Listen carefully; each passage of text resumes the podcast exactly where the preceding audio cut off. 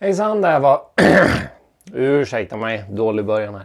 Hejsan, det här var Ängen och eh, Rocking the Digital Life avsnitt 140. Och eh, idag så kunde vi läsa att eh, Elon Musk kan ha dragit in 500 miljoner dollar i investeringar till eh, sitt SpaceX.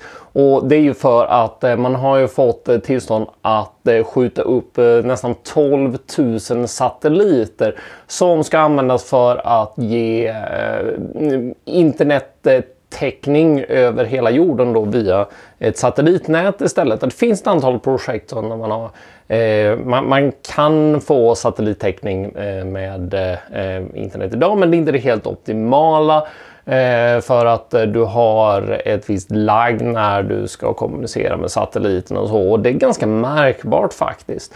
Eh, men jag är säker på att Elon vet vad han, ska, vad han håller på med där. Och men det fick mig att fundera lite grann för att det är ju så att eh, SpaceX har ju ganska stora planer och det är många som eh, tittar på de här eh, grejerna som Musk håller på med nu att vi ska ju kolonisera andra planeter. Vi ska exempelvis ta oss till Mars och bosätta oss där. Och det är ju fantastiskt häftigt. Det är en ganska lång resa att ta oss till Mars. Och det eh, fick mig att börja fundera på det här. Hur kommer då internet fungera när vi bosätter oss på Mars?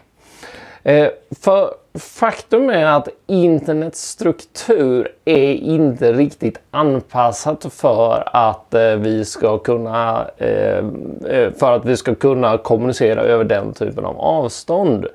Eh, om eh, vi befinner oss på Mars och vi kommunicerar med hjälp av laser, med ljus, så den kortaste tiden som ljus har för att ta sig från Mars till jorden eller vice versa är ungefär eh, tre minuter. Eh, och Det innebär ju att eh, om det är så att du sitter på Mars och vill komma åt en Eh, du vill komma åt engen.se naturligtvis eh, för jag har inte haft tid att eh, Eh, eh, sätta upp en redundant server för det. Så innebär det att eh, eh, du måste skicka en signal från Mars som tar tre minuter till servern och eh, sedan eh, när den får svar så ska det tillbaka igen. då sex minuter tillbaka där. Eh, min sida innehåller ett antal bilder, lite olika resurser så du har ett antal eh, anrop som görs för att få ner allting så att den totala tiden kommer vara så lång så att eh, antingen din webbläsare eller servern kommer säga att eh, nej, timeout, det här tar för lång tid. Jag kommer inte, eh, det här fungerar inte överhuvudtaget. Så, det, så eh, att, att, jobba på det viset kommer ju inte att eh, eh, fungera.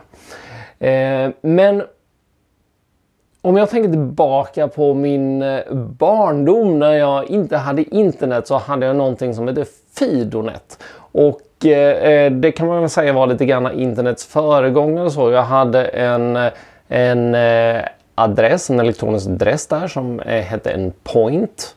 Eh, och eh, om jag ville skicka ett eh, elektroniskt brev till någon så fick jag eh, skriva det och sen när jag kopplade upp mig till den BBSen som var min eh, var min master där, jag kommer inte ihåg termen, eh, så eh, gick, eh, då laddades det här brevet upp och eh, sedan så skickades, eh, eh ja, skickades det vidare. Så. Och det här eh, Eh, det här systemet gjorde ju att eh, det kunde ta någon dag för ett eh, e-, för ett e-post att faktiskt ta sig från mig till mottagaren för att det gick liksom i eh, lite kedjor sådär. Eh, och det, det är ju lite grann så som det kanske behöver fungera när vi kommer utanför jorden. Att vi inte eh, kan faktiskt ha omedelbar kommunikation mellan, eh, mellan servrar. Och Eh, det gör ju att eh, vi kommer inte få eh, den här omedelbara uppdateringen som vi har idag.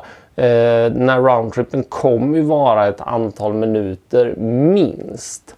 Eh, och då har vi inte ens bara pratat om bandbredden, hur mycket kopiösa mängder information som vi producerar på nätet varje sekund som i så fall måste ta sig eh, dit om någon vill titta på det här. För det finns ju lösningar på det här med att eh, eh, vi är långt ifrån eh, servern, som, servern som vi vill komma åt. Även på vårt lilla, lilla jordklot så använder vi oss av någonting som heter eh, CDN, Content Delivery Network. Eh, som lite förenklat är en kopia av, eh, av servern som ligger eh, närmare dig. Exempelvis Netflix eh, eh har ju Eh, där används ju enorma mängder data när du tittar på film, när många människor tittar på film samtidigt. Vilket innebär att eh, om jag kopplar upp mig till Netflix för att se, streama en film så vill jag inte göra det ifrån USA för att eh, dels så kommer eh, det ta kopiösa mängder bandbredd eh, eh som kommer gå där över Atlanten. Eh, det kommer vara en dålig upplevelse för mig. Det kommer förmodligen lagga lite granna. Eh, det kommer lösa sig, men det kommer också vara så att eh, det kommer kosta ofantliga mängder pengar för att eh, bandbredd är inte gratis. Vi är vana vid att eh, när eh, vi sitter hemma så har vi eh, ett, eh, vi har oändligt med, eh, med datatrafik som vi kan använda. Men Eh, eh, vi betalar för hastigheten istället. Eh, på mobilabonnemang har vi vant oss de senare åren vid att vi har ett datatak och över det så måste vi betala för trafiken och det är så som eh, det fungerar på nätet. Att ja, vi, operatörer eller aktörerna måste betala för den trafiken. Och det man gör då istället det är att man sätter upp sådana här CDN-servrar som sitter närmare och eh, då eh, eh betalar du bara för den här typen last mile, den här sista eh, trafiken från servern till dig så att eh, du behöver inte gå över Atlanten. Så. Sådana motsvarande kommer ju förmodligen behöva sätta upp då på Mars. Eh, en massiv serverpark med CDN-servrar som cashar upp hela internet, eller? Förmodligen kommer det finnas en prioritering där att eh, Ängen.se har inte så fasligt mycket trafik så att eh, den kommer nog inte i första läget eh, eh cashas upp på eh, på Mars. Men om trafiken ökar där så kommer ju eh, det här systemet att prioritera se till att det finns en kopia med lokalt och sedan så kommer ja, mm, så, så, så kommer kunna använda eh, kommer man kunna komma åt den där.